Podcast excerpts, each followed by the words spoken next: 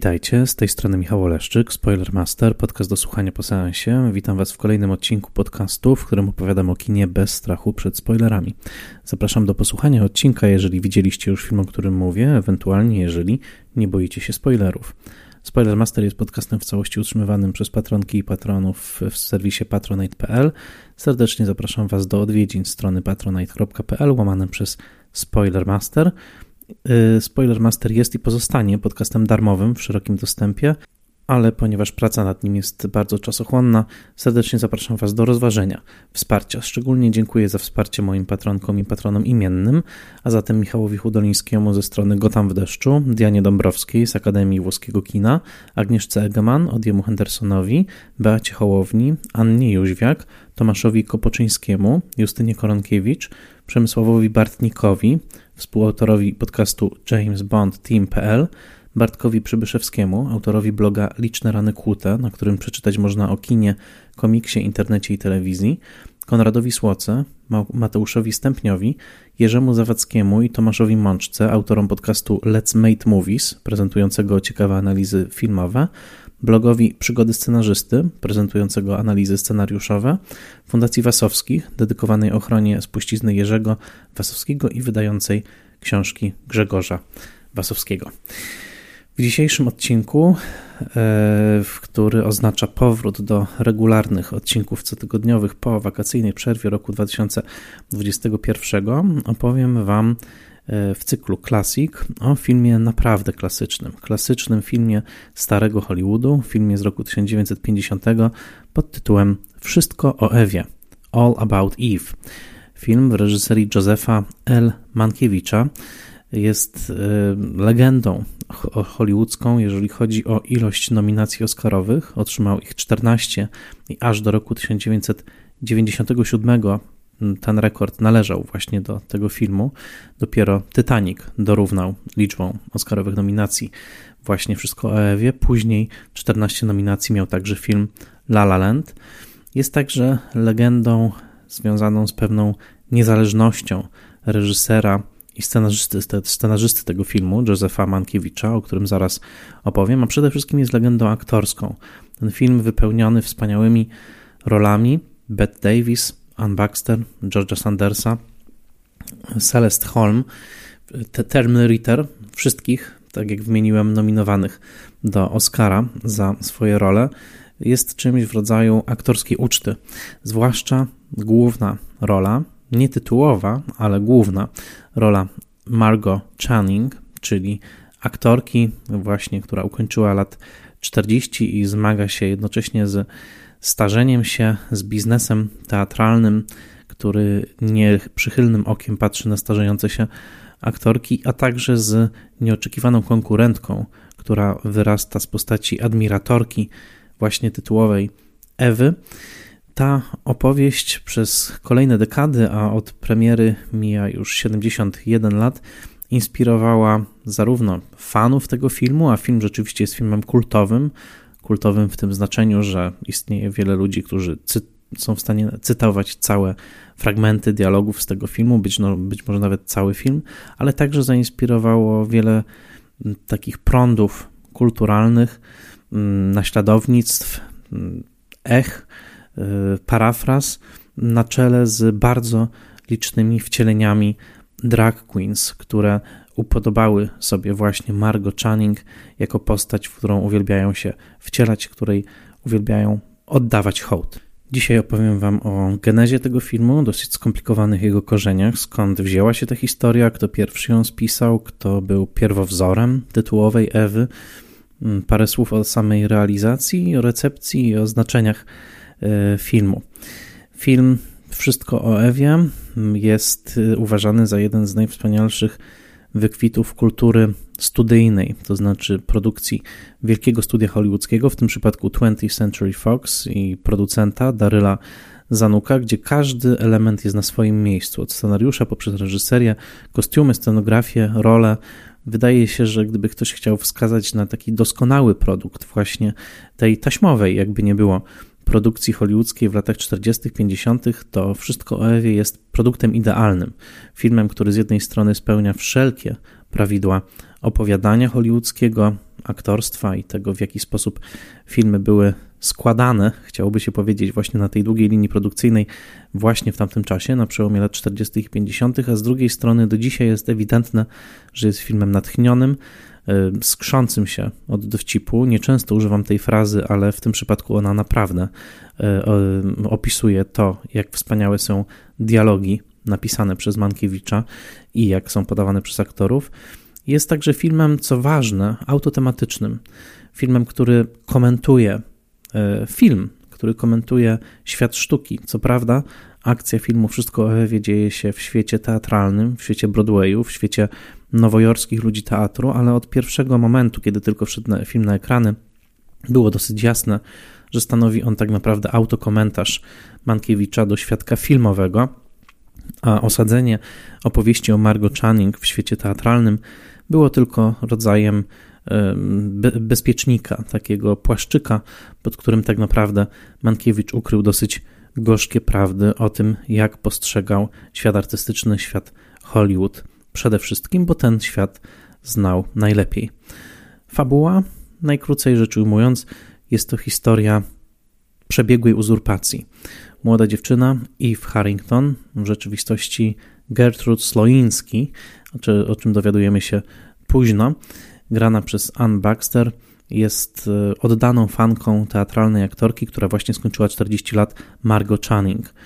E, pewnej nocy przyjaciółka Margot Channing, e, Karen Richards, jednocześnie żona dramaturga Lloyda Richardsa, w którego sztukach bryluje kolejno Margot, prowadzi Ewę do garderoby Margot, aby mogła poznać swoją idolkę, Ewa oczarowuje wszystkich swoją historią życia, bardzo dramatyczną, smutną, jednocześnie rozmiarem swojego oddania dla gwiazdy, a także dla sztuki teatru i dostaje się w orbitę Margo, najpierw jako jej sekretarka, osobista asystentka, ale także przyjaciółka i powoli przejmuje, chciałoby się powiedzieć, jej życie, przejmuje koniec końców jej rolę. Okazuje się, że Eve jest uzdolnioną aktorką i imitatorką zachowań Margo, przejmuje jej e, rolę, a także wchodzi mocno w sferę jej relacji intymnych, prywatnych z, z, z narzeczonym, z mm, yy, Karen, przyjaciółką i z jej mężem z kolei, który koniec końców zostaje yy, jej kochankiem. Innymi słowy, jest to historia o największej fance ever. Chciałoby się powiedzieć troszeczkę historia jak z Misery z Katy Bates, o której opowiadałem tutaj w innym odcinku i faktycznie Ewa ma w sobie coś psychopatycznego, coś bardzo intensywnego, totalność jej uwielbienia dla Margo, a jednocześnie totalność przejęcia jej życia, jakie dokonuje się w późniejszych partiach filmu, ma w sobie coś z psychopatycznej przemocy i nie dziwi, że Ewa często wymieniana jest na listach 100 najlepszych czarnych charakterów w historii kina, ponieważ jej zdolności uwodzenia uwodzenia także za pomocą fałszywych narracji o swoim życiu są całkiem spore. We wszystkim odgrywa także dużą rolę krytyk teatralny Addison DeWitt, którego gra George Sanders i który pod pewnymi względami jest autoportretem Józefa Mankiewicza, który także zostaje uwiedziony przez Ewę i koniec końców namówiony do tego, aby współuczestniczyć w rodzaju zamachu na reputację i na talent Y, Margot Channing. Ta historia y, ma swoje początki w wydarzeniach prawdziwych, w wydarzeniach połowy lat 40. I tutaj zaczyna się właśnie skomplikowana archeologia tego filmu, którą postaram się streścić jak najbardziej przystępnie. Dodam jeszcze, że głównym źródłem y, wiedzy o tym filmie w przypadku tego odcinka jest dla mnie książka sama Staxa pod tytułem, uwaga, All About, All About Eve czyli Wszystko o, Wszystko o Ewie. Ta książka wydana w roku 2000 wywołała niemałe za zamieszanie, między innymi dlatego, że niektóre osoby, o których pisał Stax, które brały udział w tworzeniu tego filmu i w wydarzeniach, które stanowiły dla niego inspirację, wciąż żyły i miały jeszcze dużo do powiedzenia na temat tez wysnuwanych przez autora. Posługiwałem się także książką Kenneta Geista pod tytułem Pictures Will Talk – The Life and Films of Joseph L. Mankowitz, i e, wydaniem Criterion Collection filmu Wszystko o Ewie niebywale naładowanym dodatkami. Tak jak wiecie o tym, że wydania Criteriona są zazwyczaj bardzo bogate, tak muszę powiedzieć, że wydanie Wszystko o Ewie jest jednym z najbogatszych wydań w historii, w historii tej firmy. Serdecznie polecam, bo naprawdę jest tam cała skrzynia pełna skarbów, jeżeli chodzi o materiały archiwalne dołączone do, e, do tego filmu. E, wracając e, jednak do owych korzeni, które bardzo pięknie opisuje sam Stagg, a które jednocześnie są dopowiedziane przez dodatki Criteriona. Otóż wszystko zaczyna się gdzieś około roku 1944 i pierwowzorem, takim głębokim pierwowzorem do, dla postaci Margot Channing jest aktorka austriackiego pochodzenia, niejaka Elizabeth Berenger, która wyemigrowała do Stanów Zjednoczonych, wcześniej do Wielkiej Brytanii ze swoim mężem, Polem Chinerem. I dla kinomanów Elizabeth Berenger, która była uważana za jedną z najlepszych teatralnych aktorek swojego czasu, dla kinomanów jest postacią w zasadzie nieznaną, dlatego że nie, nie zbudowała mm, kariery filmowej, ale wystąpiła w co najmniej jednym cenionym filmie, zresztą reżyserowanym przez swojego homoseksualnego męża, to było małżeństwo platoniczne, czyli właśnie Paula Chinera, no mianowicie w adaptacji szekspirowskiego Jak Wam się podoba. To jest dosyć słynny film szekspirowski z 1937 roku z Lorenzem Olivierem i właśnie z Elizabeth Berenger w roli Rosalindy. E, I możecie tam zobaczyć film dosyć mocno trąci myszką, ale możecie tam zobaczyć właśnie Elizabeth Berenger w akcji. Dlaczego w ogóle o niej mówimy? Otóż dlatego, że e, około roku 1944, kiedy Berenger występowała na Broadwayu w bardzo popularnej, komercyjnej sztuce Dwie Panie Karol, e, miała fankę. E, fankę w postaci niejakiej Martiny Lorenz. Martiny Lorenz, która faktycznie wystawała pod garderobą, pod wejściem dla pracowników sceny i faktycznie dostała się w orbitę Elizabeth Berenger. Y, do jakiego stopnia knuła, do jakiego stopnia chciała w jakikolwiek sposób przejąć jej życie, i pozostaje punktem spornym. Na pewno była świetną imitatorką jej zachowań. I y, w pewnym momencie Elizabeth Berenger była zdziwiona, a nawet troszeczkę zaniepokojona doskonałością, z jaką Martina Lorenz potrafiła imitować jej zachowania, zarówno życiowe, jak i sceniczne. Zaniepokojona tym wszystkim i świeżo po całym doświadczeniu spotkania właśnie z ową imitatorką, uzurpatorką, e, Elizabeth Berenger opowiedziała o tej przygodzie swojej przyjaciółce Mary Orr, pisarce e, dopiero rozpoczynającej swoją karierę, która starała się utrzymać z pisania w Nowym Jorku i która bardzo z dużym zainteresowaniem pewnego popołudnia wysłuchała tej historii, po czym namówiona przez swojego męża spisała w jedną noc, e, właściwie w jeden dzień, kiedy on poszedł obserwować ptaki, bo był ornitologiem, amatorem, spisała króciutkie opowiadanko, które zatytułowała Mądrość Ewy, The Wisdom of Eve, w którym mniej więcej opisała to, co usłyszała od e, swojej przyjaciółki Berenger, oczywiście uzupełniając to fikcją literacką. I słowa Eve Harrington po raz pierwszy padają właśnie w tym opowiadaniu. Co prawda Margo nazywa się w tym opowiadaniu Margola. Całość opowiedziana jest z perspektywy Karen Richards, która w ostatnim zdaniu, dosłownie jako taka wisienka na torcie, ujawnia, że Ewa ukradła jej męża i że dzięki, między innymi dzięki temu odnosi obecnie sukces w Hollywood. To króciutkie opowiadanko pojawiło się na łamach Cosmopolitan, pisma Cosmopolitan w roku 1946. I przyniosło mm, Mary Orr troszkę pieniędzy, umocniło jej reputację, pozwoliło na pisanie kolejnych opowiadań, ale wydawałoby się, że to tyle.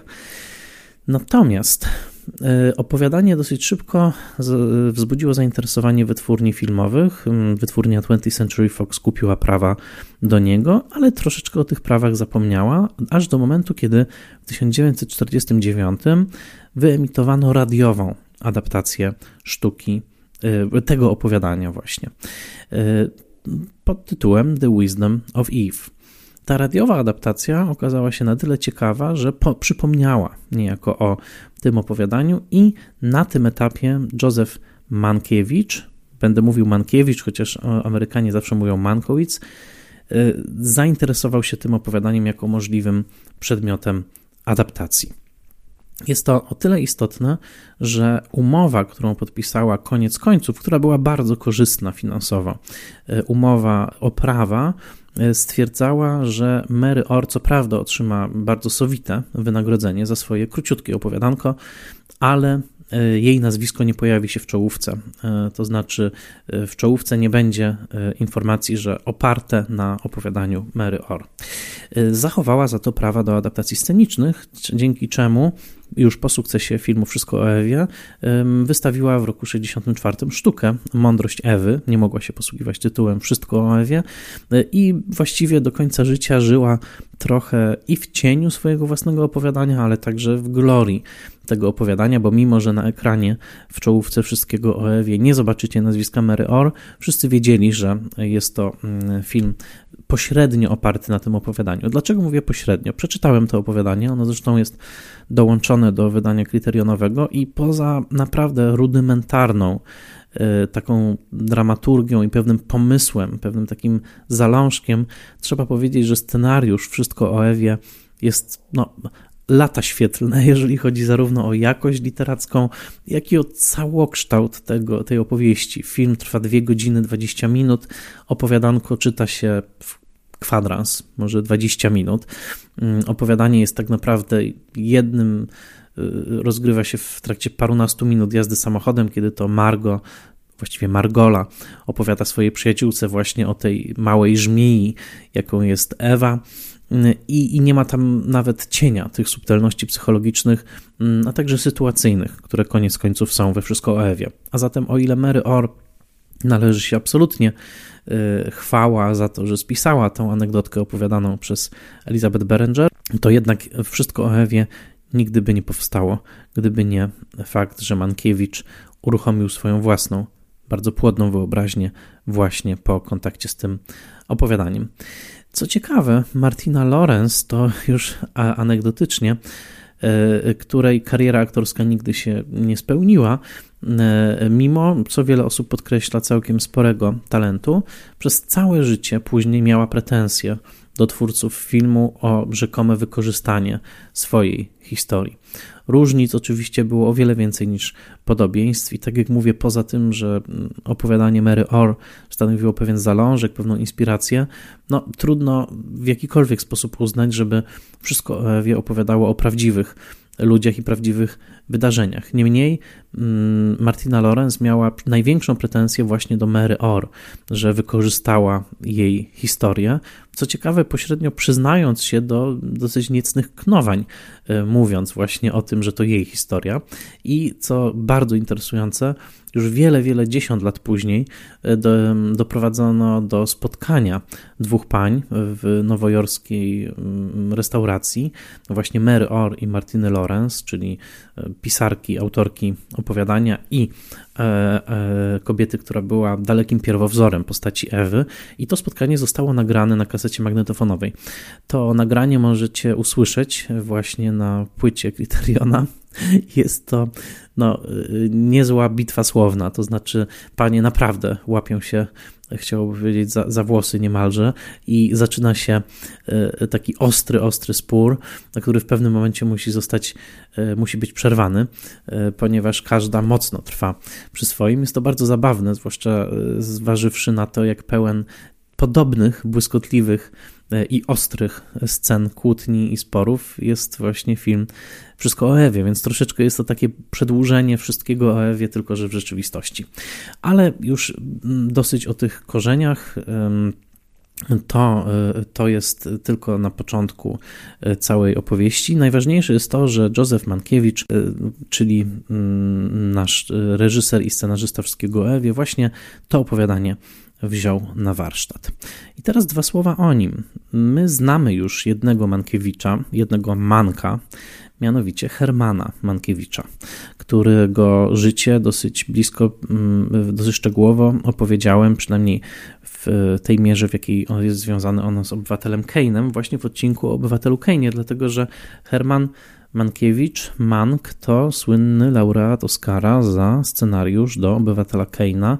No, David Fincher zbudował całą opowieść wokół Hermana Mankiewicza, e, którego gra w filmie Gary Oldman. Odsyłam tutaj zarówno do mojego odcinka o Manku, jak i do mojego odcinka o Obywatelu Keinie. W Manku Joe Mankiewicz, czyli brat Hermana, pojawia się na chwilę. E, dzisiaj jest bohaterem odcinka. Joe Mankiewicz, Józef Mankiewicz, urodził się w roku 1909. Był najmłodszym z, trójga, stroj, z trójki rodzeństwa w rodzinie Mankiewiczów w miasteczku Wilkes-Barre w stanie Pensylwania i całe życie wyrastał w cieniu genialnego ojca, Franka Mankiewicza, e, który był nauczycielem, akademikiem i który wnosił do domu taki, chciałoby się powiedzieć, germański sznyt i dryl, jeżeli chodzi o stopień ambicji, jakie stawiano przed dziećmi w tym domostwie. Był e, najmłodszym e, dzieckiem, Joseph, i mm, co prawda najkrócej pomieszkał w Wilkes-Barre, dlatego że w roku 1914 mm, rodzina przeniosła się do Nowego Jorku i Joe będzie dorastał w Nowym Jorku, ale drugą osobą, w cieniu której Joe wyrastał, był oczywiście jego genialny brat Herman, genialny starszy brat. I to jest niesłychanie ważna informacja. Kenneth Geist czyli właśnie biograf Mankiewicza, wskazuje na to, że całe życie Józefa Mankiewicza był to niewątpliwy geniusz literacki, organizacyjny. E, tutaj nie ma żadnych wątpliwości. Wystarczy posłuchać dialogów we Wszystko o Ewie, żeby zrozumieć, że e, to miano e, Oscara Wilda kinematografii rzeczywiście było przyznane Mankiewiczowi słusznie. Otóż całe życie Mankiewicz wyrastał w poczuciu pewnego kompleksu niższości w stosunku do ojca, ale przede wszystkim w stosunku do swojego brata, który, jak wiadomo, z Manka i z wszelkich innych źródeł był faktycznym geniuszem. Geniuszem, który, jak sam uważał, trwonił swój talent w Hollywood lata 20, o tym mówię bardziej szczegółowo w, w odcinku o Manku, był tak, były takim czasem, kiedy do Hollywood ściągali liczni intelektualiści i pisarze skuszeni ogromnymi E, pensjami, jakie wypłacano im za scenariusze, no i po prostu pisali te często niemądre historyjki, tylko z pewnymi e, okruchami e, geniuszu, które rzucali niejako jako chłapy publiczności. No i takim kimś był Herman Mankiewicz. Takim kimś jednocześnie stał się w swoich własnych oczach Józef Mankiewicz, chociaż oczywiście jego kariera pójdzie o wiele dalej niż kariera Hermana, bo o ile no, nie da się chyba przebić takiego mm, lauru, jakim jest Oscar za scenariusz Obywatela Keina, o tyle sam Joseph otrzyma cztery Oscary i to nie tylko za scenariusze, ale także za reżyserię. A zatem można powiedzieć, że w pewnym sensie przeskoczył on Hermana, poza tym o wiele mądrzej zarządzał swoją karierą i e, nie, nie oddawał się tak bardzo nałogom, jak czynił to Herman w postaci e, alkoholu. Ale jednak bardzo ważna jest właśnie ta braterska więź, braterska rywalizacja, ale także braterskie wsparcie w przypadku Josefa i Hermana. To Herman sprowadził Josefa do Hollywood. Pierwsze lata życia Josefa i cała jego młodość wskazywały bardziej na karierę akademicką. Do tego zresztą namawiali e, Josefa jego nauczyciele na Uniwersytecie Kolumbii. Do tego namawiał Josefa ojciec, Frank. Joseph miał być człowiekiem pióra, miał być człowiekiem literatury, miał być człowiekiem akademii, miał być także człowiekiem sceny. I tu jest pada najważniejsza informacja. Józef Mankiewicz przez całe życie marzył o tym, aby być wybitnym dramaturgiem i nie było dla niego wyższej formy sztuki od właśnie broadwayowskiej dramaturgii. Nie było dla niego bardziej interesującej kasty artystycznej niż kasta dramaturgów broadwayowskich i w ogóle ludzi teatru na Broadwayu. Dla niego Hollywood zawsze oznaczało coś artystycznie gorszego, gorszy kruszec, chciałoby się powiedzieć, skażony jednak tym pierwiastkiem pieniędzy, e, luksusu, zbytku, złego smaku, z którym Hollywood było ko kojarzone. Nie było dla Mankiewicza niczego czystszego, bardziej szlachetnego niż właśnie scena broadwayowska, na której świetne pióra spotykają się ze świetnym talentem aktorskim i prezentują to, co w kulturze amerykańskiej najbardziej żywe, najlepsze. To wszystko związane jest jeszcze z ogromną atencją, jaką Mankiewicz miał dla niemieckiej literatury. Rodzina Mankiewiczów była niemiecko-żydowska. Jego matka pochodziła jeszcze z Kurlandii, jego dziadek mieszkał w Poznaniu, on sam podróżował do Szczecina jako reporter w latach dwudziestych, a zatem e, ta kultura niemiecka była bardzo mocno w niego wpisana, no a tam wielu wybitnych dramaturgów przecież wywodzi się właśnie z tej, e, z tej tradycji. Joseph wyrastał zatem w tym domu, który zawsze wyróżniał się bardzo wysokim poziomem kultury, bardzo wysokim taką poprzeczką stawianą e, dzieciom, bardzo wysokimi oczekiwaniami i wszystko wskazywało na to, że Joseph będzie takim właśnie dramaturgiem. W latach 20., pod koniec lat 20. jedzie do Berlina, gdzie trochę mm, wzorem swojego brata, który wcześniej był korespondentem dla Chicago Tribune, on także staje się korespondentem, pisze e, dziennikarskie artykuły, e, odsyła je do Stanów, dosyć szybko popada w długi, wraca do Paryża i wtedy odsyła, odzywa się w roku 1929 głos Hermana z oceanu, który mówi: Przyjedź do mnie do Hollywood. Herman był już wtedy szefem e, jakby działu scenariuszowego Paramountu, więc było wiadomo, że e, Joseph pracę dostanie i Joseph e, ulega pokusie, jedzie do Hollywood. Do końca życia będzie miał pewne poczucie winy z tym związane. Poczucie winy właśnie, że nie został profesorem na Kolumbii, że co najważniejsze, nigdy nie napisał sztuki teatralnej. To jest bardzo ważna informacja. Jeżeli przyjrzycie się wszystkiemu o Ewie, które jest oczywiście bardzo ironicznym portretem świata teatru, ale jednak jest też listem miłosnym dla tego świata, mm, przesyconym szczegółami, detalami, takimi e, linijkami dialogu, które świadczą o świetnym zrozumieniu tego świata, od świata wysokiej sztuki po świat wodewilu, reprezentowany tutaj przez byłą aktorkę wodewilową, obecnie garderobianą Margot, czyli Birdie, graną przez Thelma Ritter. Wydaje się, że wszystko o Ewie jest filmem, który musiał wyjść spod ręki kogoś, kto spędził wiele lat jako twórca teatralny. Otóż nie. Mankiewicz nigdy nie spełnił swojego marzenia o zostaniu dramaturgiem. Jak sam mówił, miał neurotyczną neurotyczny lęk przed pisaniem sztuk. Wielokrotnie próbował, chciał, zresztą taki był plan, że kiedy odniesie sukces w Hollywood, wróci do Nowego Jorku i tam spełni się jako dramaturg, ale nigdy to się nie udało. Ten lęk był zbyt wielki, poprzeczka ustawiona gdzieś w chmurach, bał się bardzo porażki, bał się bardzo tego, że napisze sztukę, która zostanie wyśmiana, a w przypadku sztuk teatralnych nowojorskich jednak ta pierwsza recepcja, zwłaszcza krytyków, jest bywa zabójcza i on nigdy nie przeskoczył tego lęku, nigdy nie spełnił swojego marzenia, mimo że niektóre jego filmy, na czele oczywiście z tym, ale także na czele z Detektywem, czyli z ostatnim jego filmem z 1972 roku, są ewidentnymi próbami zbliżenia się właśnie do teatralnego świata. Bardzo trudno mówić o kimś, na czyim kominku stały cztery Oscary i kto pobił rekord, jeżeli chodzi o laury Oscarowe, dlatego że e, w dwóch kolejnych latach, za rok 49 i 50, otrzymał podwójny zestaw statuetek, to znaczy za scenariusz i reżyserię, za list do trzech żon za 49 rok i właśnie za wszystko o Ewie w roku 50. Trudno mówić o kimś takim jako o kimś niespełnionym, a jednak w Józefie Mankiewiczu gdzieś pozostawała ta zadra, zadra związana z tym, że nigdy nie podjął wyzwania, które faktycznie go kusiło i nigdy nie został dramaturgiem, dramatopisarzem, yy, nigdy nie został człowiekiem teatru.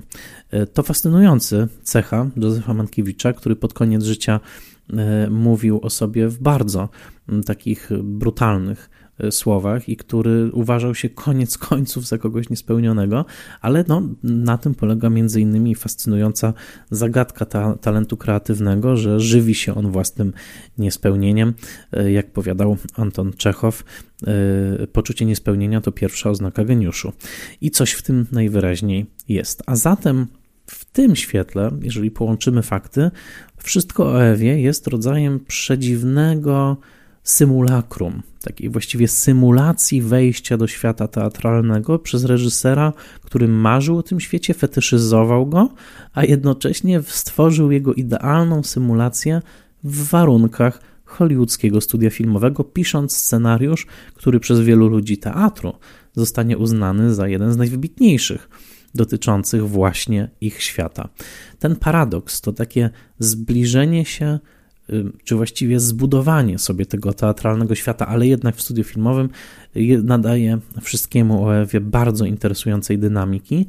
Tym bardziej, że jest tutaj jeszcze jedna postać, z którą Joseph konkuruje, niejako z którą wchodzi w szranki, w jakiś spór, w jakiś pojedynek, mianowicie niejaki Herman Mankiewicz. Spójrzcie na strukturę wszystkiego o Ewie i zastanówcie się, czy nie jest to struktura de facto pożyczona z obywatela Keina. Przecież wszystko o Ewie opowiedziane jest głosami i z perspektywy kilku różnych postaci. E, pierwszym głosem, jaki słyszymy, to głos Addisona DeWitta, czyli owego krytyka teatralnego granego przez George'a Sandersa. Następny głos to Karen Richards, kolejny to mm, głos Margot Channing. No, słyszymy tę historię z różnych punktów widzenia i nawet w oryginalnym scenariuszu były sceny, które miały być powtórzone dwukrotnie z dwóch różnych punktów widzenia, na co koniec końców nie zgodził się producent Daryl Zanuk. No ale przecież to jest dokładnie ten mechanizm, który wykorzystał Herman Mankiewicz w swoim arcydziele scenariuszowym. Nie, nie jest żadną tajemnicą, że takim ukrytym adwersarzem w przypadku e, wszystkiego o Ewie jest także sam Herman i jego arcydzieło, mianowicie Obywatel Kane i w pewnym sensie ta historia upadku Margot Channing jest inspirowana historią upadku e, Charlesa Fostera Kane'a.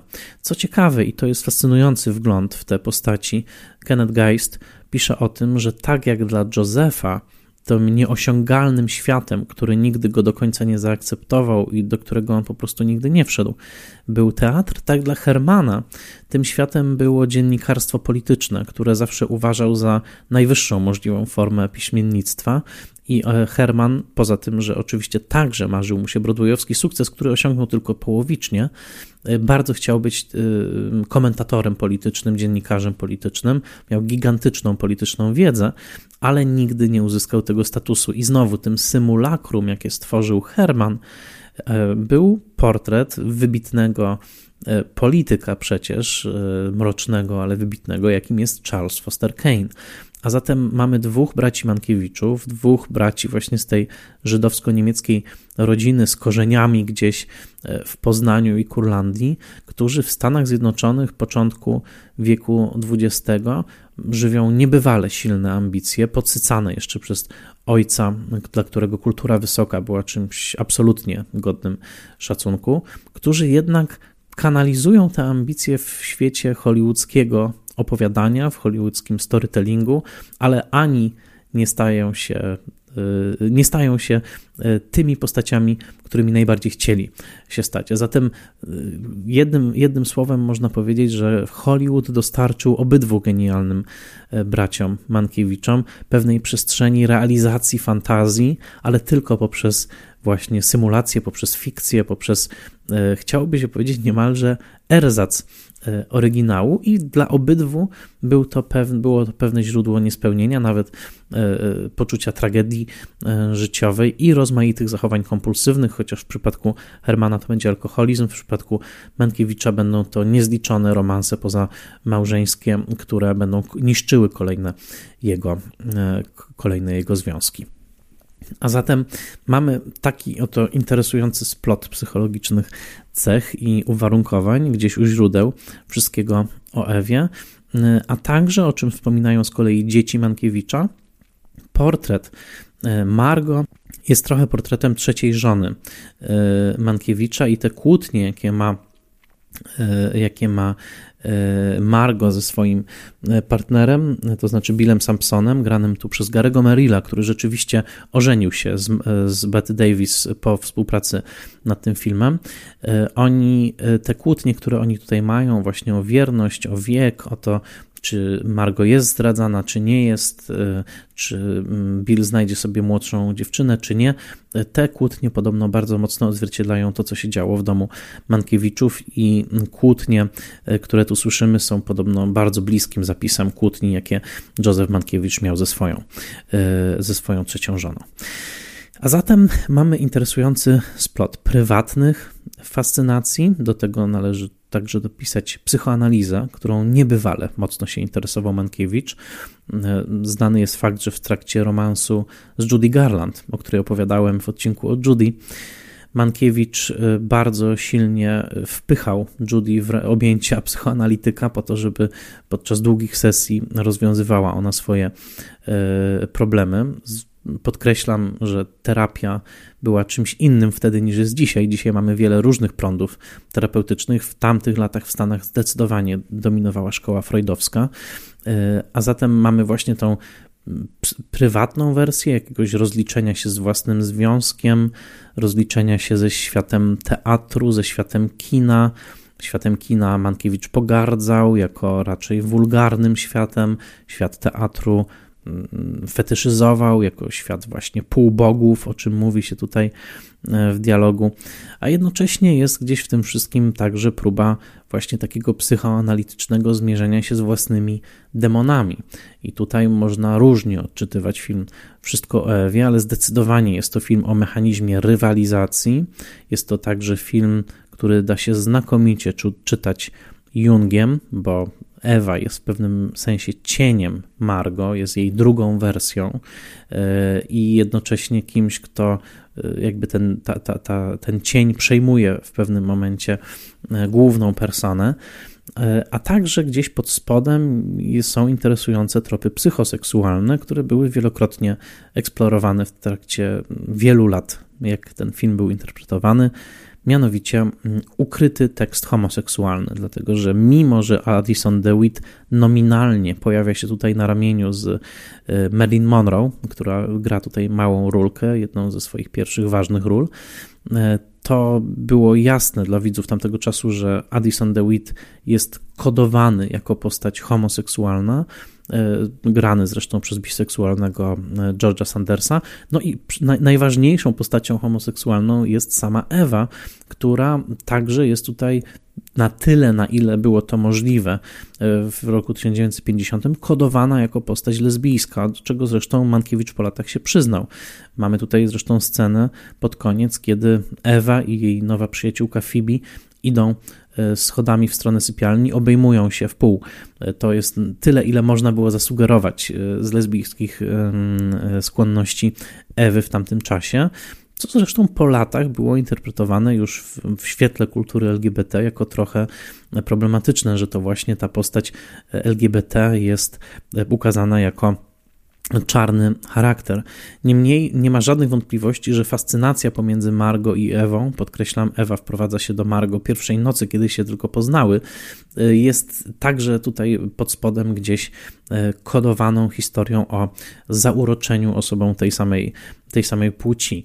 Y, można swobodnie rozrysowywać mapy tych rozmaitych fascynacji i związków, jakie pojawiają się we wszystko o Ewie. Koniec końców film oczywiście jest znakomicie ubrany w najlepsze e, kostiumy i jest jak eleganckie przyjęcie koktajlowe, ale pod spodem buzują emocje, buzują namiętności, e, co do których nawet w roku 1950 nie do końca jeszcze był język e, w kinie, żeby je wypowiadać. A zatem gdzieś pod spodem jest także element swoistej perwersji i e, nawet pod względem słownictwa, jakim posługują się postaci, był to jeden z najbardziej psychoanalitycznych filmów, jakie wówczas powstały. Sam Mankiewicz, bezgranicznie zafascynowany psychoterapią, umieścił w ustach bohaterów słowa takie jak mania, e, paranoja. W pewnym momencie Margo mówi do Billa Sampsona, I'm in love with a psychotic, czyli jestem zakochana w psychotyku. To wszystko nie były jeszcze słowa, które były powszechnie używane w roku 50. To Mankiewicz był nimi zafascynowany i, i właśnie mm, y, można powiedzieć nasycił tym językiem psychoanalitycznym właśnie film Wszystko o, y, wszystko o Ewie. A zatem film głęboko osobisty, film, który był realizowany już w komfortowej sytuacji, dlatego że Mankiewicz był świeżo po Oscarowym sukcesie Listu do trzech żon, był reżyserem i scenarzystą z Oscarami na koncie. Nikt nie powtórzył do dzisiaj sukcesu Mankiewicza, to znaczy dwa lata z rzędu on otrzymał e, ten dublet oscarowy, właśnie scenarzysta, reżyser. E, I e, jak sama Bette Davis mówiła, film od początku do końca powstawał w takiej magicznej aurze, dlatego że wszyscy wiedzieli, że to jest wybitny scenariusz, znakomity reżyser i nikt nie ma wątpliwości, że bierze udział w czymś naprawdę wyjątkowym. I to się faktycznie, faktycznie spełniło. Czy to znaczy, że ten plan filmowy nie miał żadnych konfliktów, że tam nikt nikogo nie podgryzał? Oczywiście nie. Sam Staggs bardzo pieczołowicie wypisuje wszelkie e, niesnaski, e, nieporozumienia, zwłaszcza te pomiędzy Celeste Holm a Bette Davis, które naprawdę się bardzo, bardzo na tym planie nie lubiły. Zanim o tym planie powiem i o tych niesnaskach, warto jeszcze przypomnieć jedną rzecz, mianowicie przypomnieć, jaka była droga samego Mankiewicza. Oczywiście bardzo skrótowa, ale jednak warto pamiętać, jak ogromną drogę przebył on od roku 1929 do roku 50, kiedy realizuje wszystko o Ewie. Zwróćcie uwagę, to jest 20 lat w Hollywood od momentu, kiedy Mankiewicz przyjeżdża tam na zaproszenie Hermana w roku 1929 i zajmuje się przede wszystkim pisaniem napisów jeszcze do filmów niemych, ale bardzo szybko y, zaczyna pisać scenariusze do filmów dźwiękowych, bo przecież to jest dokładnie rok mm, zmiany, y, przejścia z kina niemego na kino dźwiękowe, a jednocześnie Mankiewicz ma znakomitą okazję, żeby pisać w różnych gatunkach najpierw dla Paramountu, bardzo szybko zostaje zatrudniony przez MGM. Koniec końców zatrudnia go Daryl Zanuck, czyli szef wytwórni 20th Century Fox. I to, o czym należy absolutnie pamiętać, kiedy mówimy o Mankiewiczu, to jest jego niebywała płodność przez tych 20 lat, dlatego że on pisze kilkanaście scenariuszy jest także producentem. Bardzo szybko staje się producentem i uczy się kina jako scenarzysta i producent. Produkuje zresztą wiele filmów, które dzisiaj nie są pamiętane, ale także kilka, które są pamiętane znakomicie. Między innymi film Jestem niewinny e, Fritza Langa z Spencerem Tracym i arcydzieło e, tak zwanej screwball comedy, czyli filadelfijską opowieść George'a Cukora. To także film produkcji e, Mankiewicza. A zatem, kiedy Daryl Zanuk zatrudnia go w połowie lat 40. i Mankiewicz zaczyna pracować w 20th Century Fox, moment, w którym Zanuk ufa mu na tyle, żeby powierzyć mu także reżyserię, jest momentem, kiedy Mankiewicz po niemalże dwóch dekadach naprawdę chwyta wiadro w żagle jako producent, reżyser i scenarzysta. Wtedy tych ról raczej nie łączono. Pionierem ich łączenia był w kinie dźwiękowym Preston Sturges, ale to zupełnie inna historia. Mankiewicz w połowie lat 40. chwyta naprawdę wiatr w żagle. O ile w latach 30. jeszcze pisał scenariusze niemalże taśmowo, o tyle w latach 40. zaczyna się już bardzo przykładać właśnie reżysersko i wydaje się to nieprawdopodobne, jeżeli zważycie, że w sumie Mankiewicz do 72 roku nakręcił 20 filmów fabularnych, Dziewięć z nich nakręcił w okresie 1946-1951, a zatem dziewięć filmów w 5 lat. Jego debiut reżyserski to jest film pod tytułem Dragon Week, taki gotycki melodramat. Teraz nie będę wymieniał tych wszystkich jego filmów, chociaż niektóre są bardzo znane i świetne, jak Duch i Pani Mir, ale wszystko o Ewie przypada na sam koniec tego ultrapłodnego okresu w 20th Century Fox, kiedy to e, Mankiewicz kręci jeden za drugim, a czasami niemal jednocześnie filmy jako, jako właśnie reżyser.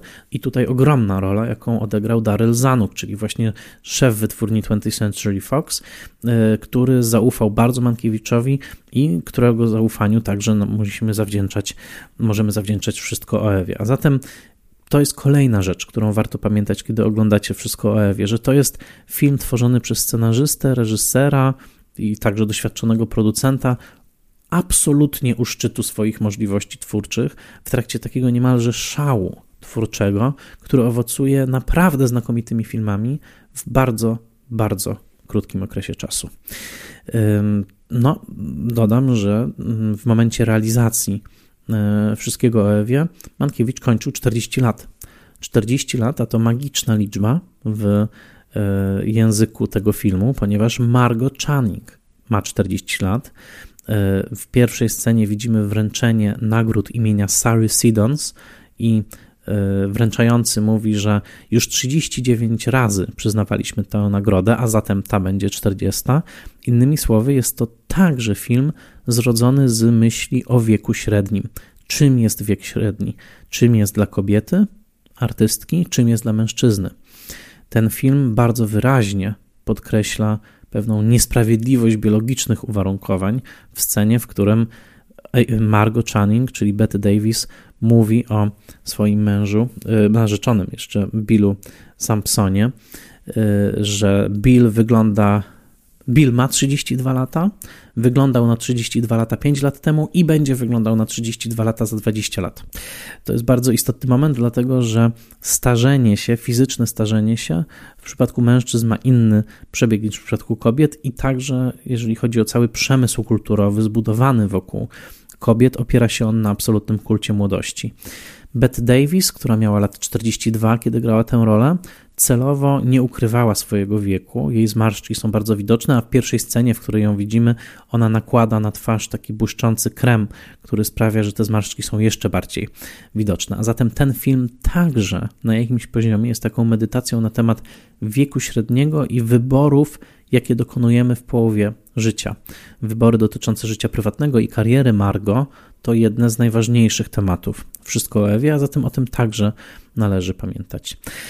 I teraz ten film, który powstaje u szczytu twórczych sił Mankiewicza, pięknie zbiega się ze szczytem sił twórczych u Betty Davis. Betty Davis, której dzisiaj kariery nie mam już czasu streszczać tak szczegółowo, ale o której warto zapamiętać, że była wtedy auto, już laureatką dwóch Oscarów i tak naprawdę pod wieloma względami pierwszą damą hollywoodzkiego aktorstwa, ale której kariera przechodziła bardzo duży kryzys pod koniec lat 40. O ile jeszcze w latach 30. jej siła, jej taka ciągle tłumiona emocjonalność, jej skłonność do grania postać, postaci kobiet impulsywnych E, kobiet, które często podążały za swoją zmysłowością, jak tytułowa Jezebel, grzesznica z filmu Williama Wylera, chociażby za którą otrzymała swojego drugiego Oscara, pod koniec lat 40. trochę nie było wiadomo, w którą stronę jej kariera będzie podążać. W 1949 roku wystąpiła w filmie Beyond the Forest, który do dzisiaj jest traktowany jako rodzaj kampowego klasyka, ale był absolutną klęską w momencie premiery i krytycy pisali wprost, że kariera Betty Davis chyba się kończy. W swojej autobiografii po latach Betty Davis podziękuje Mankiewiczowi, powie wprost, że on wskrzesił jej karierę właśnie w postaci filmem Wszystko o Ewie, dlatego że ten film idealnie wpisał się dokładnie w tę rozmowę, jaką toczono na temat samej Davis. Davis mówi w tym filmie wprost o swoim wieku, jednocześnie o wieku oczywiście Margot Channing i o wyborach, których musi dokonywać aktorka, których musi dokonywać kobieta w showbiznesie. Sam Stax bardzo dobrze zauważa, że film jest często źle interpretowany, niezgodnie z tym, co pada w dialogach. Bardzo wiele feministycznych autorów i autorek zarzuca filmowi, że Margot Channing rezygnuje ze swojej kariery po to, żeby założyć rodzinę z Billem Sampsonem. Sam Stax wskazuje na to, że nie jest to prawda. Nie jest to prawda w, świetnie, w świetle dialogów, ponieważ Margot Channing nie rezygnuje ze swojej kariery. Rezygnuje jedynie z grania postaci kobiet młodszych od siebie. Innymi słowy, rezygnuje z grania postaci, które jest dla niej uwaczające, w tym, że musi udawać wiek młodszy niż, y, niż jej wiek e, właściwy. Ona mówi bardzo wyraźnie pod koniec y, do Lloyda Richardsa: Jeśli chcesz, będę przez cały rok w trasie z Twoją nową sztuką, tylko nie zmuszaj mnie już do grania w młodszych kobiet. Innymi słowy, ona chce grać kobiety w jej własnym wieku.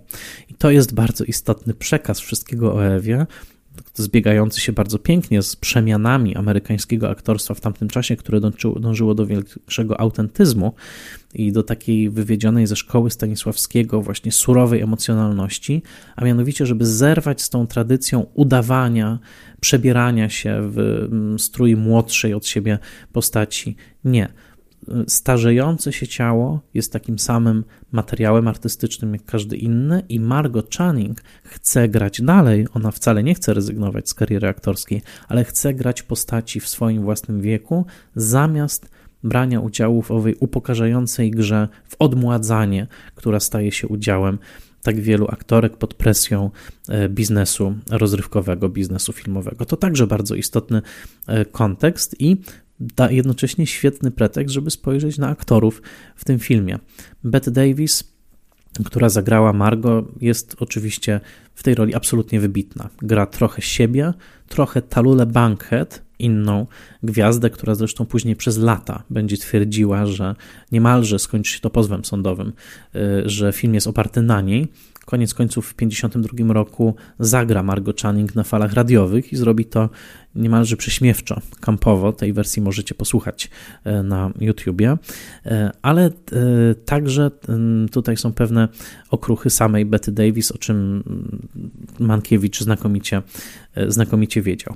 Celeste Holm jest świeżo po Oscarze za film Dżentelmeńska Umowa, zresztą wyprodukowany przez Daryla Zanuka, otrzymała Oscara za drugoplanową rolę żeńską. Anne Baxter, grająca Eve, także dostała trzy lata wcześniej Oscara za drugoplanową rolę w filmie Ostrze Brzytwy, The Razor's Edge, a zatem mamy naprawdę taką ozłoconą stawkę, jeżeli pamięta, e, aktorską, jeśli będziemy pamiętać jeszcze o dwóch Oscarach samej e, Betty Davis. E, George Sanders, który otrzyma Oscara za rolę Addisona DeWitta, urodzony w Sankt Petersburgu, ale wychowany już w Wielkiej Brytanii, znany m.in. z takich brytyjskich filmów czy brytyjskich ról raczej jak mm, George Folliot w filmie e, Zagraniczny korespondent Alfreda Hitchcocka, no i oczywiście Rebecca. E, to jest wybitny aktor i także piosenkarz, którego album The George Sanders Touch w 1961 roku sprzedawał się bardzo dobrze i tworzy on tutaj postać klasyczną, kampowego krytyka, który właśnie jest w głębi kodowany jako postać homoseksualna, te jego długie cygarniczki, futrzane e, kołnierze, jest jasne dla widzów, że że Addison jest co najmniej biseksualny. Y, to jest także wybitna rola. No i oczywiście Telma Ritter. Telma Ritter odkryta w filmie Cud przy 42 ulicy przez całe lata 50. będzie ukochaną, drugoplanową postacią, głosem rozsądku, y, kobietą z Queensu nowojorskiego, która zawsze mówiła to, co myśli i była ucieleśnieniem tego amerykańskiego common sense. Dość powiedzieć, że Telma Ritter doczeka się sześciu nominacji Oscarowych przez całe lata 50., a jej pierwszą nominacją Oscarową jest właśnie ta za rolę Birdie, czyli byłej aktorki wodewilowej, która obecnie pracuje jako garderobiana i nie boi się mówić wprost Margot, co myśli, a jednocześnie utrzymuje swoją dumę wodewilowej performerki. W pewnym momencie przypomina Margo, pamiętaj, że przez 11 lat zamykałam pierwszą połowę show, czyli właśnie zamykałam tą pierwszą połowę przedstawienia wodewilowego. To dialogi Birdie świadczą o tym, jak wspaniale wpisał Mankiewicz w tkankę, w DNA tego filmu właśnie teatralne fiksacje swoich swoich bohaterów. E, nie jest żadną tajemnicą, co zresztą Mankiewicz podkreślał, ilekroć mówił, że dla niego kobiety są o wiele bardziej interesującymi bohaterkami niż mężczyźni, że mężczyźni we wszystkim o Ewie, wbrew sloganowi tego filmu, który był reklamowany hasłem It's all about women and their men, trzeba powiedzieć, że ci men nie są tak interesujący. Mało kto pamięta wyraziście e, bohaterów męskich tego filmu. E, Gary Merrill, który poślubił Bette Davis, e, który gra Billa Simpsona i Hugh Marlowe, który gra Lloyda Richardsa, to postaci, które są troszeczkę w cieniu pozostałych. Tak jak mówię, Addison DeWitt jest tutaj na szczególnych prawach, dlatego że on zdecydowanie jest markowany jako mężczyzna nienormatywny. Natomiast tych dwóch typowych heteroseksualnych mężczyzn troszeczkę oni odchodzą w cień, mimo że Betty Davis ma znakomitą scenę kłótni z Garem Merrillem po tym, kiedy zagapił się i rozmawiał za długo z Ewą po powrocie z zachodniego wybrzeża. No, to, to jednak e, ci mężczyźni gdzieś bledną i sam Mankiewicz powiedział, że pisanie męskich postaci nie jest dla niego tak interesujące, jak pisanie postaci kobiecych, e, co także jest interesujące w kontekście samego tematu filmu, to znaczy tej kobiecej rywalizacji, z którą Mankiewicz identyfikował się o wiele bardziej niż z mm, rywalizacją męską y, i postaci równie silnych kobiet często będzie się przypatrywał w swoich filmach no, na czele z swoją największą porażką, czyli z filmem Kleopatra z Elizabeth Taylor z 1963 roku, ale to już zupełnie inna historia. Marilyn Monroe, która gra postać Miss Caswell, czyli de facto kochanki Addisona DeWitta, a jednocześnie mm, dziewczyny, którą on niemalże stręczy e, producentowi Maxowi Fabianowi, zagranemu przez Gregorego Ratofa, czyli rosyjskiego de facto emigranta, który był także reżyserem u Zanuka. E, ta postać jest na ekranie tylko przez kilka chwil, ale zdecydowanie jest to e, moment w karierze Marilyn Monroe, kiedy jest ona tuż przed uzyskaniem własnego statusu gwiazdorskiego. Już wkrótce przyjdzie Niagara, Mężczyźni wolą blondynki i oczywiście Marilyn Monroe tak naprawdę przyćmi wszystkich swoich przyjaciół z filmu Wszystko o Ewie, ale to jest nadal w e, przyszłości. Oscarowo ten film został uhonorowany, tak jak wspomniałem, bardziej niż jakikolwiek inny. 14 nominacji to był rekord, jaki utrzymał do 1997 roku.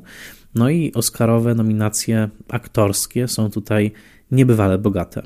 Jak już wspomniałem, George Sanders otrzymał Oscara, ale nominowane były także Thelma Ritter, Celeste Holm, Bette Davis i Ann Baxter. Żadna z nich Oscara nie otrzymała. E, Ann Baxter uparła się, absolutnie uparła się, że musi być nominowana w kategorii najlepsza aktorka, a nie najlepsza aktorka drugoplanowa. Wszyscy zgadzają się co do jednego. Gdyby Ann Baxter nie uparła się, Zresztą ona sama po latach się zgodziła. Bette Davis wygrałaby tego wieczora. Niestety fakt, że Ann Baxter pojawiła się w kategorii najlepsza aktorka razem z Bette Davis sprawiło, że głosy się podzieliły, a że była jeszcze jedna mocna konkurentka, to znaczy Gloria Swanson za Bulwar Zachodzącego Słońca, swoją drogą film nakręcony w tym samym roku i także mocny autotematyczny film o Hollywood, wygrała Judy Holiday za film Urodzeni, Urodzeni wczoraj, czy Urodzona wczoraj, różnie się tłumaczy ten, e, ten tytuł. A zatem Bette Davis za swoją najwybitniejszą rolę ekranową nie otrzymała, nie otrzymała Oscara i po części trzeba winić za to upartość Ann Baxter, która zresztą po latach przyznała, że to był błąd. Mm, nie otrzymała także Oscara Celeste Holm, nie otrzymała Oscara Thelma Ritter, ale mm, ten film miał najwięcej nominacji dla swoich aktorek w historii Oscarów, bo cztery y, aktorki otrzymały za niego y, nominację Oscarową. George Sanders wyjechał ze statuetką, podobnie jak Joseph Mankiewicz za scenariusz, reżyserię. Darrell Zanuk otrzymał Oscara za najlepszy film jako producent Oscara E, zresztą odebrał bardzo silnie, mocno dziękując Josephowi Mankiewiczowi. E, otrzymał jeszcze film dwa Oscary, to znaczy za e, dźwięk i za kostiumy.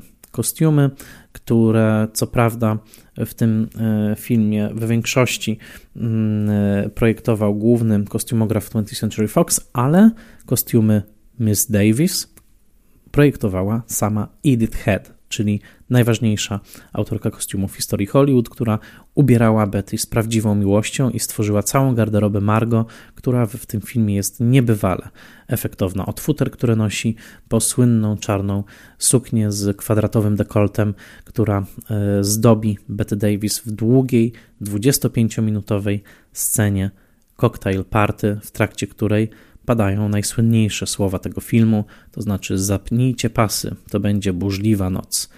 Fasten your seatbelts, this is going to be a bumpy night. Takich zdań w całym filmie jest o wiele więcej. Ten film jest, jak to mówią Amerykanie, endlessly quotable, czyli można go cytować w nieskończoność, co zresztą wielu amerykańskich, nie tylko fanów, fanów na całym świecie robi już od 61 lat. Jak już wspomniałem, liczne drag queens wcielały się w Margot Channing, e, wręcz język Wszystko o Ewie stał się rodzajem kodu, kodu używanego w latach 50., głównie przez homoseksualnych mężczyzn, którzy dostrzegali w postaci Margo samych siebie, w postaci Margo, obawiającej się samotności, obawiającej się starości, jednocześnie wymagającej ogromnej siły, żeby w ogóle przetrwać w świecie, który nie jest jej przyjazny. Margo stała się ogromnym punktem identyfikacji emocjonalnej i tożsamościowej dla licznych homoseksualnych i w ogóle nieheteronormatywnych mężczyzn w Stanach Zjednoczonych. Ten film stał się gejowskim, kampowym klasykiem, był wielokrotnie cytowany, między innymi w słynnej sztuce Mata Crowleya, E, e, e, pod tytułem The Boys in the Band, którą na ekran przyniesie w 70 roku William Friedkin. W tej sztuce są bezpośrednie cytaty właśnie z wszystkiego o Ewie. Wszystko o Ewie jest także punktem odniesienia, punktem startowym w późniejszym filmie Pedro Almodovara pod tytułem Wszystko o mojej matce. Tytuł jest oczywistym, oczywistą wskazówką coś jest takiego w tej opowieści stworzonego, stworzonej przez bardzo heteroseksualnego Józefa Mankiewicza, ale nasyconej właśnie tą osobowością Betty Davis, która stała się takim punktem odniesienia właśnie dla e, wrażliwości homoseksualnej, że stał się on kampowym gejowskim klasykiem i nie ma w zasadzie klubu e, nocnego w Stanach Zjednoczonych, w którym występują drag queens, gdzie od czasu do czasu nie padłyby właśnie jakieś cytaty z wszystkiego o Ewie. Między innymi taką cechą tej kultury gejowskiej lat 50., 60., wcześniej 40., przed Stonewall, chciałoby się powiedzieć, przed 69 rokiem i tymi ruchami wyzwoleńczymi. E, jej cechą było posługiwanie się takim e, e, bardzo ciętym, ostrym, bezpośrednim językiem, który stanowił rodzaj retrybucji, można powiedzieć, jakiejś takiej zemsty za wykluczenie społeczne, jakiego doświadczały osoby LGBT i zwłaszcza homoseksualni mężczyźni celowali w języku, który był takim biczem, który był, no właśnie, tutaj podwójne znaczenie, biczem w sensie uderzenia, od odcięcia się tak, za właśnie te niesprawiedliwości, takim wymierzeniem dowcipu ostrego, brutalnego dowcipu przeciwko społeczeństwu, które ich wykluczało, a jednocześnie bitchiness, czyli dosłownie sukowatość. E, to jest to, e, czego mistrzami często stawali się e, ci homoseksualiści, czyli używanie właśnie bitchy humor, takiego bardzo, bardzo ostrego języka. No w tym Margo była absolutną absolutną mistrzynią i wiele linijek tych właśnie ostrych, rzucanych sobie tutaj bez żadnego pardonu w wszystko o Ewie, to był język, który po prostu uwielbiała ta społeczność e, i, i cały ten właśnie kult owych kłótni, owych e, niesnasek, owych pojedynków pomiędzy kobietami w tym filmie był absolutnie ukochany przez tą publiczność. No i pewnym jego wyolbrzymieniem, a może nawet spotwornieniem stanie się film a 12 lat późniejszy, czyli co się zdarzyło Baby Jane, w którym ta granica kampu z udziałem Bette Davis zostanie przekroczona w stronę groteski, bo tam Bette Davis zagra już niemalże parodię spotworniałej Margot Channing. W przypadku Mankiewicza to wszystko jest jeszcze trzymane w ryzach pewnego realizmu. A zatem ten film, który doczekał się także przeróbki musicalowej w 70 roku, nagrodę Tony za rolę Margo otrzymała wtedy Lauren Bacall. Możecie posłuchać piosenek, jakie śpiewa w tym musicalu. Całość jest nagrana i obecna na YouTubie. Ten musical nazywał się Applause, czyli Aplauz.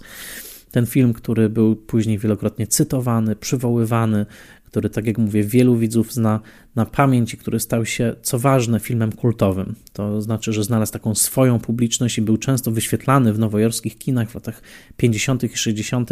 na podwójnym seansie z bulwarem zachodzącego słońca. Stał się de facto takim punktem odniesienia, kulturowym punktem odniesienia. Nawet ludzie, którzy go nie widzieli na hasło Wszystko o Ewie, wiedzą mniej więcej o co chodzi, o jaki typ humoru, o jaki typ dialogu, o jaki typ emocji, a przede wszystkim kim jest Margot, kim jest Bette Davis. Jeżeli mówimy o ekranowych diwach, to zdecydowanie Margot Channing, Bette Davis jako Margot Channing musi być wymieniona, być może nawet na szczycie tej listy. O wszystkich niesnaskach na samym planie, o tym, że Bette Davis nie znosiła Celeste Holm, która była dla niej zbyt dobrze wychowana. Kiedy Celeste Holm po raz pierwszy przywitała się promiennym dzień dobry, Bette Davis odpowiedziała: cholera, dobre maniery. I tyle było z tej przyjaźni, panie się do siebie nie odzywały. O tym, kto kogo lubił, kto kogo nie lubił, ale jednak większość osób tam się lubiła. Możecie przeczytać więcej w książce sama Staxa. Koniec końców należy pamiętać o tym, że ten mały cyrk aktorski dowodzony przez Józefa Mankiewicza, który na planie hollywoodzkim, w hollywoodzkiej wytwórni na moment wyczarował sobie świat teatralny, do którego tak bardzo chciał należeć, sportretował go mistrzowsko, lepiej być może niż zrobiłby to jakikolwiek człowiek teatru. No, to wszystko ma w sobie pewną magię i jednocześnie stanowi o wielkim talencie Józefa Mankiewicza, który nie mógł dostać tego, o czym najbardziej marzył, więc wyczarował sobie filmowy ekwiwalent. Dodam, że reżyserem, któremu Mankiewicz najbardziej zazdrościł, który dokładnie uzyskał ten sukces, o którym Mankiewicz marzył, to znaczy sukces filmowy i sukces teatralny, równoległy, był Elia Kazan, który już rok później w tej samej wytwórni 20th Century Fox przedstawi najwybitniejszą wówczas adaptację teatralną, adap filmową adaptację teatralnej sztuki, jaką będzie tramwaj zwany pożądaniem. Ale to już temat na zupełnie inną historię. W każdym razie pomiędzy rokiem 50 i 51 dokonane, dokonają się także ogromne przełomy cenzorskie. Już wkrótce kino hollywoodzkie nie będzie tak skrępowane i zakneblowane, jak to ma miejsce w przypadku wszystkiego o Ewie, gdzie cenzurowano jeszcze liczne dialogi i e, geniusz Mankiewicza musiał polegać właśnie na obchodzeniu tej cenzury.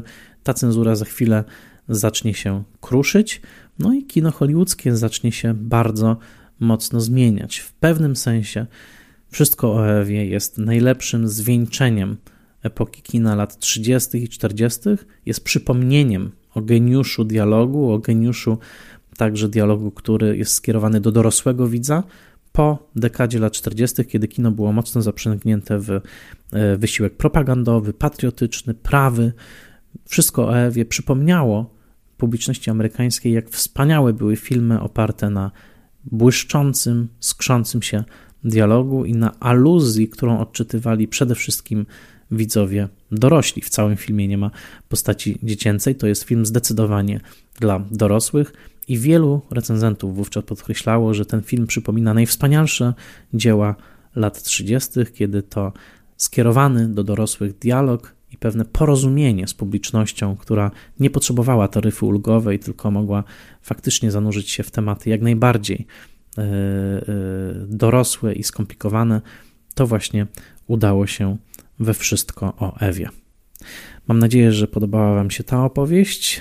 Zachęcam do słuchania innych odcinków, a także do odwiedzenia mojego profilu na patronite.pl łamane przez Spoilermaster y, i do wsparcia podcastu, jeżeli uznacie, że jest tego wart. Serdecznie dziękuję Wam za to spotkanie i zapraszam już teraz na kolejne, bo kolejny Spoilermaster już za tydzień.